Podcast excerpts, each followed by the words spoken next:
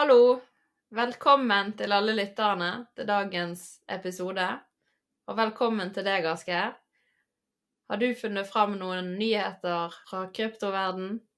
Jo, takk. Denne uken har det vært litt mer spennende, syns jeg iallfall, enn sist. Kanskje hovedtingen som har skjedd denne uken, er at eh, bitcoin-prisen har gått en god del opp. Hvor mye har det gått opp, egentlig?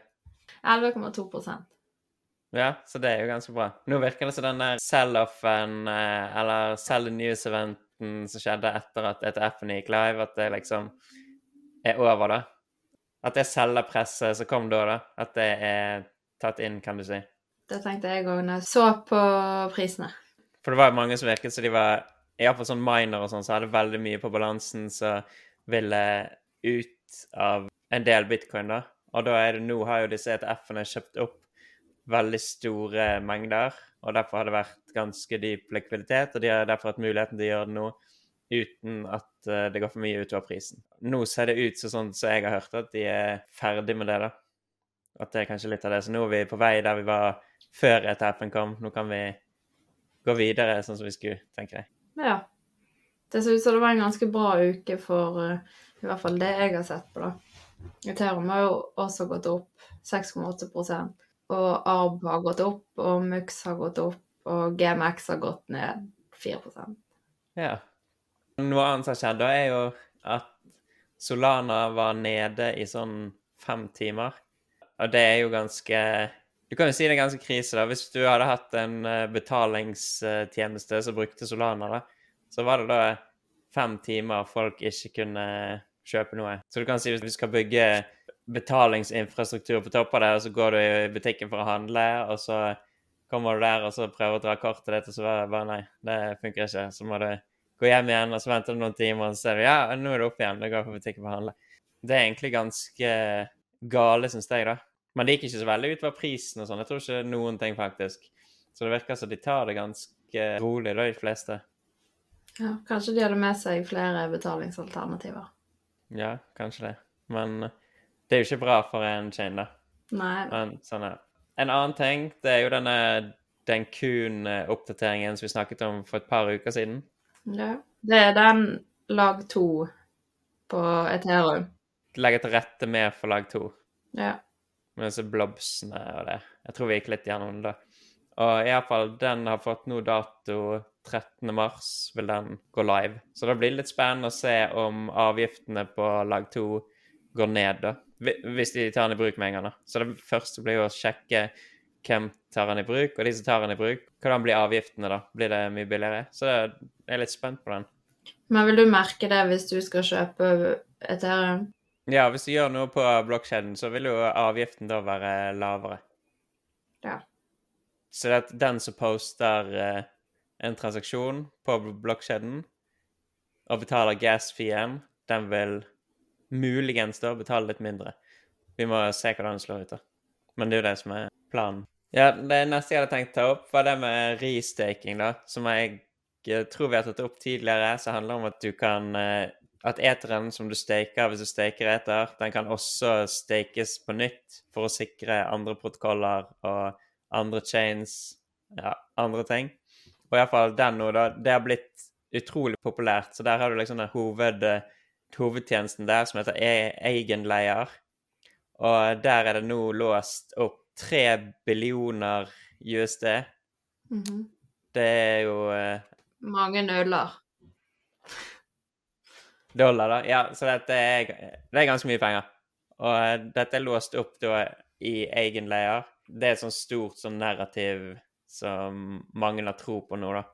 At dette restaking-greiene, det blir eh, veldig stort. Og det er jo sånn hvis du setter inn pengene dine i denne her protokollen, så får jo du airdrop fra forskjellige protokoller som bruker Som skal bruke egenleier og sånn. Så det er mange som spekulerer på det og putter pengene sine der.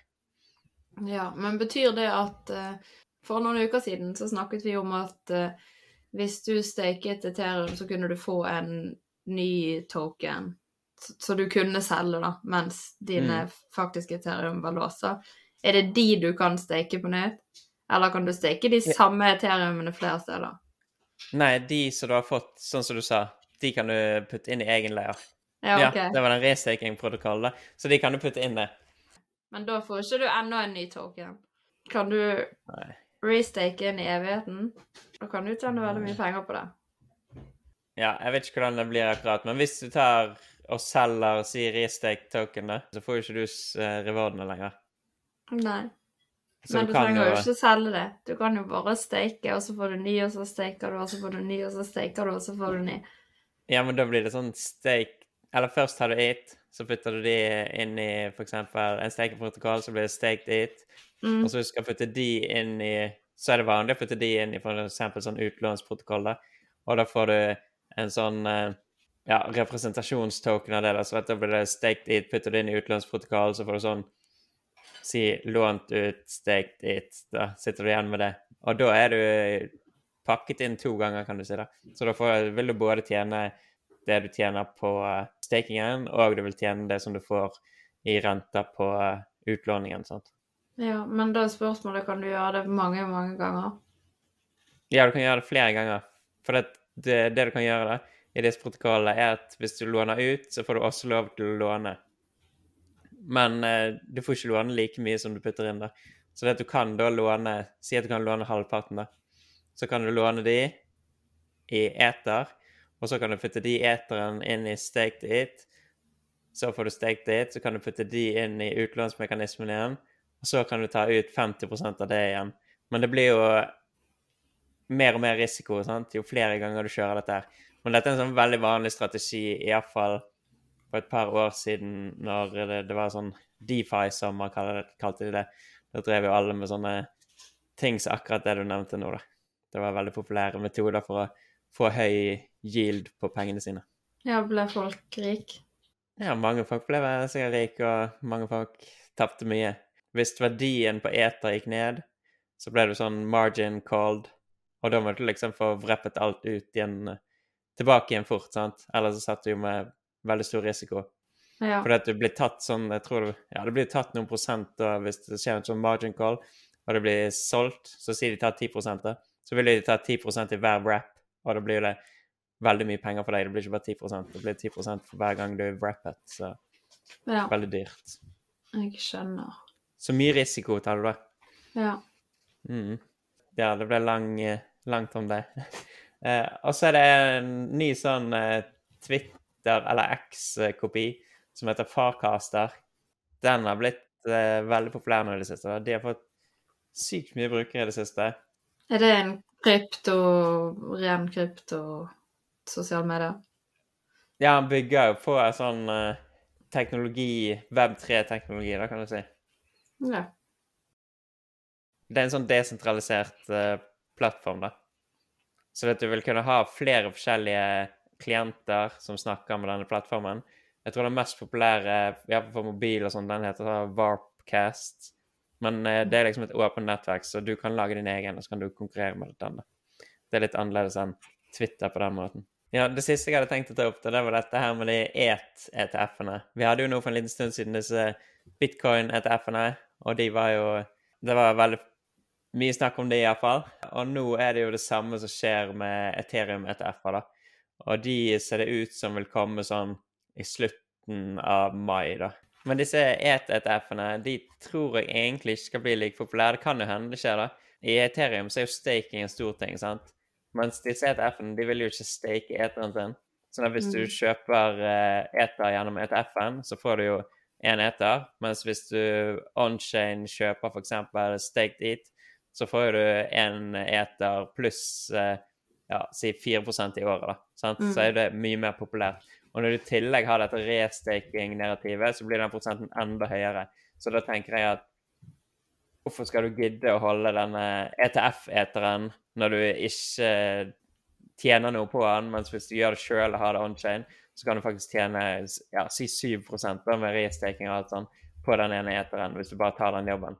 Men så igjen så er det alle disse her, f.eks. for eksempel ja, store fond og sånne, som sikkert ikke har den muligheten, og som kun har mulighet til å investere i ETF-er. Så det kan jo bli bra å selge om. Men når det gjelder retail og sånn, så håper jeg at de heller benytter seg av desentraliserte alternativer, for at da kan jo de tjene mye mer renter på pengene sine og sånn. Men det er jo mye mer teknisk eh, krevende. Ja, foreløpig, ja. Men eh, det er jo dette Kryptify Det er jo dette Kryptify gjør noe med, sant? Så dette her gir det veldig mening å heller benytte noe som Kryptify da, enn eh, ja, enn det som kommer. Mens på bitcoin så er det ikke helt likt, for det er jo ikke staking. sant? Så hvis du har en bitcoin i en ETF eller en bitcoin eh, i lommeboken din, så det er jo stor forskjell i det at du holder jo bitcoin og så alt det der, og det at du betaler jo avgifter til ETF-en, så det koster jo penger å ha den der. Men det er mye større forskjell på Eter, da, siden på Eter så har du alle de der staking eh, som du kan få. Ja, så det er mye større potensial hvis du Ja. eier det sjøl, eller holder det sjøl. Ja. Jeg kom på en siste ting, da. Det har jo vært to uh, nyheter om krypto på uh, nrk.no iallfall. Og da er den ene den var jo om det, disse her fra K33 som snakket litt om at alle tror at bitcoin-prisene kommer til å gå opp. Og så var det han der fra, fra Luksusfære, hva er det han heter? Hallgeir Kvadsheim. Ja, ja, han hadde sagt at uh, det var veldig risky, men han trodde at det var lurt også å teste med en liten sum og teste dette. Så han er jo litt sånn åpen for det, så det er litt kult. Ja, det har jeg lest òg. Den andre nyheten var jo en sånn Ja, det er noen som har kjøpt noe sånn svindelgreier, ser det ut som. det. De har kjøpt hva var det, 5X Club eller noe sånt. Og det Jeg vet ingenting om det, da, men ut fra det som sto der, så ser det ut som det er noe svindel, og mange som har flyttet inn pengene sine, og så ser det ut som pengene vokser, og så får de ikke pengene ut, da. Da er det over på konkurransen. Oh yeah. Og der er du som var så sur for at du skulle ha arbitrøm. Ja, nå er jeg egentlig glad, for nå, nå er det min tur å velge neste gang. sant? Men arbitrøm var jo det beste, utenom bitcoin. Da var det ingen som hadde bitcoin. Ja, så jeg har jo nå 1144 kroner. Hva er du? 1085. Så det blir bare større og større gap her. OK, men da, da vet jo jeg eh, at eh, jeg går for uh, Bitcoin går jo veldig bra, men Mm. Ether gjør det òg, og så er det bare en uke uh, Nei, jeg går, jeg går for Eter. Vi må jo egentlig tenke litt strategisk, for jeg får jo sitte med Eter en uke. Neste uke så må jeg ha noe annet. Sant? Så, Ja, men jeg, jeg tar eter, jeg. ja jeg tar bitcoin, nei. Ja. Men det blir liksom kjedeligere og kjedeligere for meg hver uke, når det der gapet blir større og større. Men Det får vi eh, se. Det får vi ja. se. det Det kan kan, jeg, jeg lurte på bitcoin òg, liksom. Det går, jo, det går jo bra, for å si det sånn. Ja. Men det siste døgnet har bitcoin er 2 Så kanskje det har snudd, og så neste uke har det gått ned 20% Nei. Nei da, jeg tror ikke Nei, men eh, da snakkes vi neste uke, da. Yes. Ha det bra. Ha det bra.